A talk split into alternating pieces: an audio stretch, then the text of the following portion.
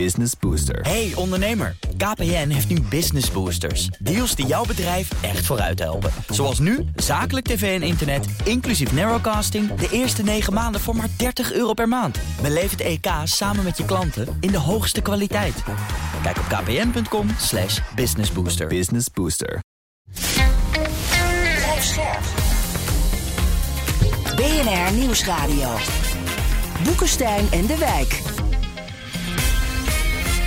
Hugo Reitsma. Dit is een extra uitzending van Boekenstein en de Wijk in verband met de oorlog in Oekraïne en de crisis met Rusland. Het is donderdag, dag 323 van de invasie. En Lolke Lolkema vraagt ons hoe jullie aankijken tegen een pleidooi van historicus Thomas van der Dunk voor ja, eigenlijk zeg maar vuil spel tegen de Russen. Hij zegt, eh, je kan eigenlijk niet meer spreken van excessen van wat de Russen in Oekraïne doen, maar het is systematische terreur. Je kan het eigenlijk meer vergelijken met, met wat Nazi-Duitsland deed. En daarmee hebben ze eigenlijk elke aanspraak op een behandeling volgens de regels verloren. Hij oppert een aantal mogelijkheden van cyberaanvallen tot verschillende volkeren in de Russische regio's tegen elkaar opzetten. D- dat soort dingen.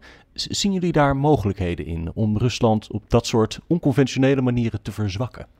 Ja. Ja, maar weet je... Mag ik eerst iets, iets zeggen over de context van dit stuk? Ja, Eh, wat we nu zien is dat er allerlei commentatoren eh, stukken aan het schrijven zijn over hoe het verder moet.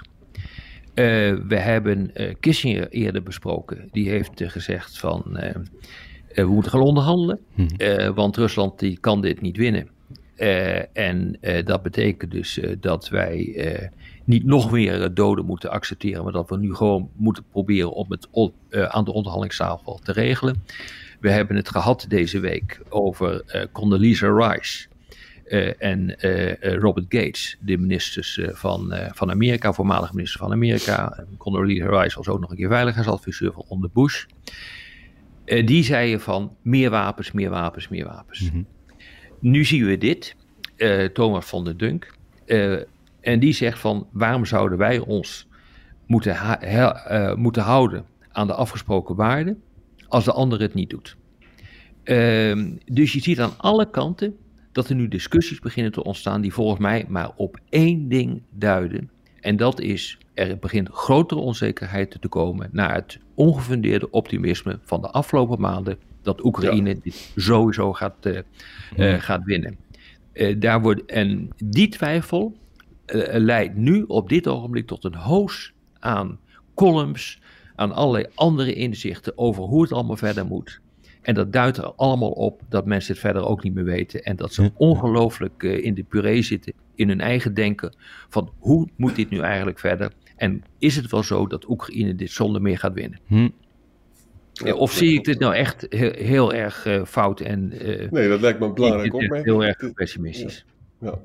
En, en weet je, hij doet allemaal een aantal allemaal elementen doet hij in zijn, in zijn stukken. We moeten ze eigenlijk één voor één aflopen. Want het Ja, is nogal eh, het is een beetje hooi en gras. Hè?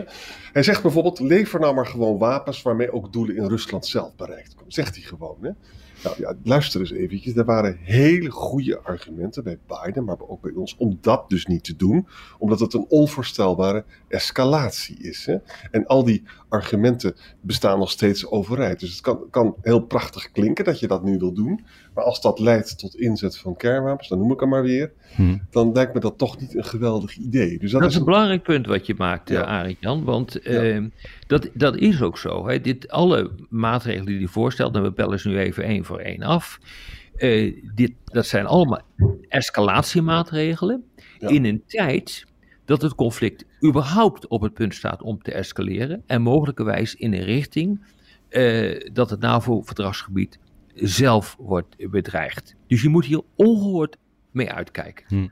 Ja, nou, volgende punt. Hij wil dus in Rusland zelf de oppositie openlijk steunen. Nou, dat klinkt prachtig, hè?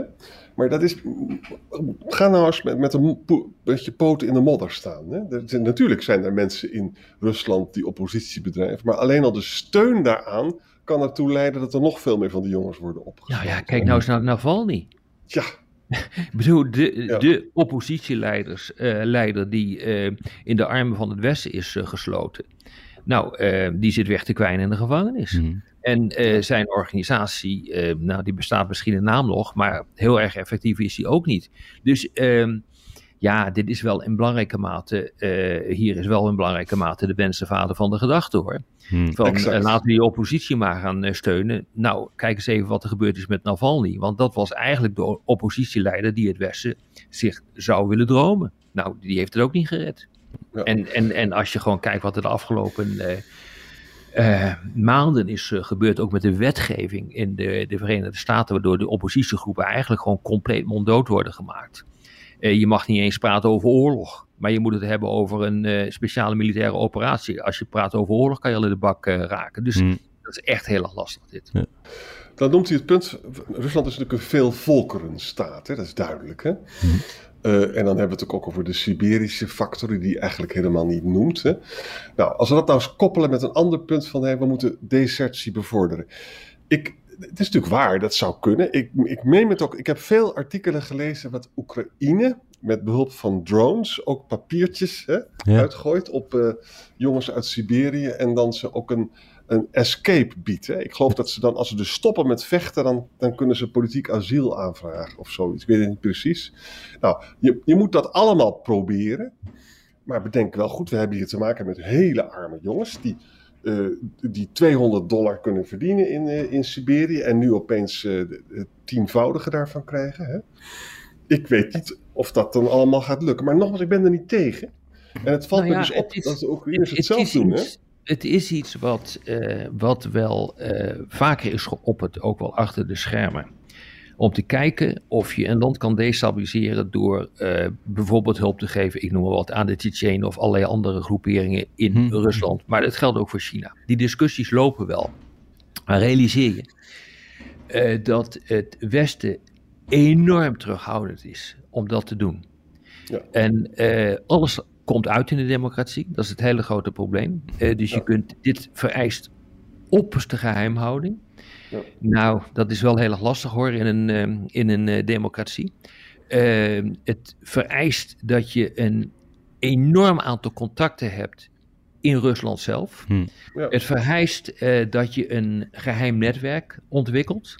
eh, om die groepen, die ontevreden groepen eh, of minderheden in, in Rusland, om die aan je te binden en te kunnen financieren, misschien wel te kunnen opleiden, te kunnen trainen eh, en vervolgens te kunnen aansturen.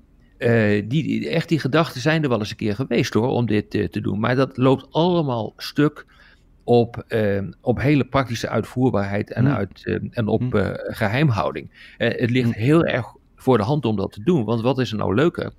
Om ergens shit te trappen in een deel van Rusland, waardoor eh, Poetin eh, zijn troepen moet verplaatsen, ik noem al wat, van Oekraïne naar dat deel van, eh, van, van Rusland. Maar we hebben natuurlijk al gezien wat er de afgelopen maanden ook is ge- ge- gebeurd rond Armenië, Nagorno-Karabakh, allemaal dat soort, eh, eh, eh, dat soort gebieden, waar dus ook in één klap er veel meer eh, onrust eh, was. En eh, ja, daar kon Rusland ook niet zoveel aan doen, maar dat is ook allemaal wel redelijk weer, weer gesust op dit ogenblik. En, maar het wordt wel aangedacht, maar het is praktisch heel erg lastig uitvoerbaar.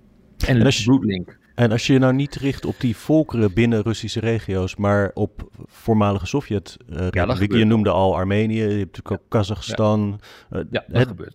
Op die plekken zijn ook, is ook wel twijfel over waar, waar Poetin allemaal mee bezig is. Zeker. Maar dat gebeurt natuurlijk al. En eh, je ziet dat die landen zich ook aan het heroriënteren zijn. Kazach- Kazachstan kijkt zowel naar het westen als naar China. Eh, en, ehm, dus nee, dat, dat gebeurt al. Maar daar hoeven wij weinig aan te doen. Dat komt gewoon Ja. omdat ehm, eh, die landen zien van... oeps, Oekraïne nu, misschien zijn wij de volgende wel. Die dan Ja. weer tot het grote Russische Rijk moeten terugtreden. Dus er wordt iedere keer wel gekeken naar eh, oorlog tegen de NAVO, maar veel waarschijnlijker is eh, dat eh, een land als Belarus of Kazachstan of nou ja, noem maar wat, Oezbekistan zich veel meer zorgen maken over die situatie dan, het dan de NAVO-landen zelf. Inclusief de Baltische Staten, die ooit ook onderdeel waren van de Sovjet-Unie. Ja. Dan nog een punt uit zijn stukken. Hij vindt dus dat Nederland vluchtelingenstatus moet aanbieden aan Russische deserteurs. Dat deed me denken aan die hele vrede discussie van een paar maanden geleden. Weet je nog, in Scandinavië. Eh, toen waren er dus Russische vluchtelingen. Die vroegen dus asielstatus daar aan. En toen zeiden dus de, de Balten en ook de, de, de Finnen, geloof ik, van ja, luister eens. Het is beter dat jullie eh, in, je, in je eigen land in opstand komen. Ja. En, en, eh, en ik wil jullie eigenlijk helemaal niet hier hebben. Dus zo Dat klopt. gevoelig liggen dit soort dingen dus. Hè? Dat klopt. En het is ook, een, het, het- ook dit ligt weer voor de hand om dat te denken. Maar het probleem zit erin. Ik eh, was toen ook in de Baltische Staten. Ik heb het aan een van de ministers van Buitenlandse Zaken toen gevraagd: van waarom blokkeren jullie dat? Nou, ik zal de naam niet noemen, want dan krijgt hij onmiddellijk problemen. Je zegt, kan dat soms zijn omdat jullie vrezen dat wanneer die zogenaamde deserteurs de grens overkomen, eh, of jonge mannen überhaupt die het land uit willen de grens overkomen, dat daar ook een hoop eh, ja, spionnen, eh, dan wel spetsnaz, eh, de special forces of wat dan ook bij zitten, die het land binnenkomen om rotzooi te trappen. En toen zei ze, dat is onze belangrijkste reden. Ja. En dat heb ik echt uit de eerste hand gehoord. En dus daar zit wel een, een geweldig probleem in hoor. Ja, want de Russen zijn heel goed in die spesnas en zo. Dat is, dat is allemaal heel. eh, En die worden ook goed Ja. betaald en zo. Ja. Dus het is, het is al- het is een heel sympathiek stuk van. Natuurlijk. Ook wij hopen heel erg dat Oekraïne gaat winnen. Maar al deze maatregelen zijn of problematisch, of soms ook contraproductief. En je Ja. moet niet optimistisch zijn over het effect daarvan. Of je moet nog wat achter de hand hebben. Hè? Bijvoorbeeld een van de punten is, hij eh, stelt voor om eh, te hacken.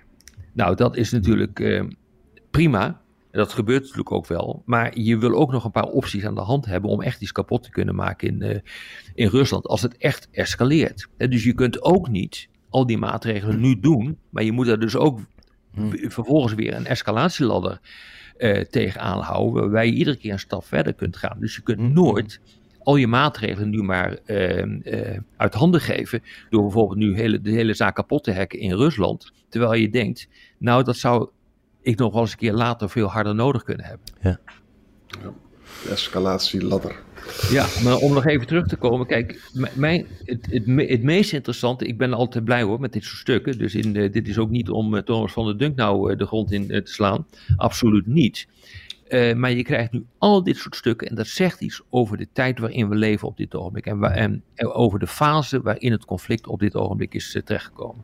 En het stomme is dat we nog steeds niet goed kunnen voorspellen hoe dat gaat aflopen. Dat vind ik zo interessant. Dat is, dat Nou ja, wat dat betreft is het. eh, ik heb gisteren het vergelijk eh, gemaakt met een, met een coach.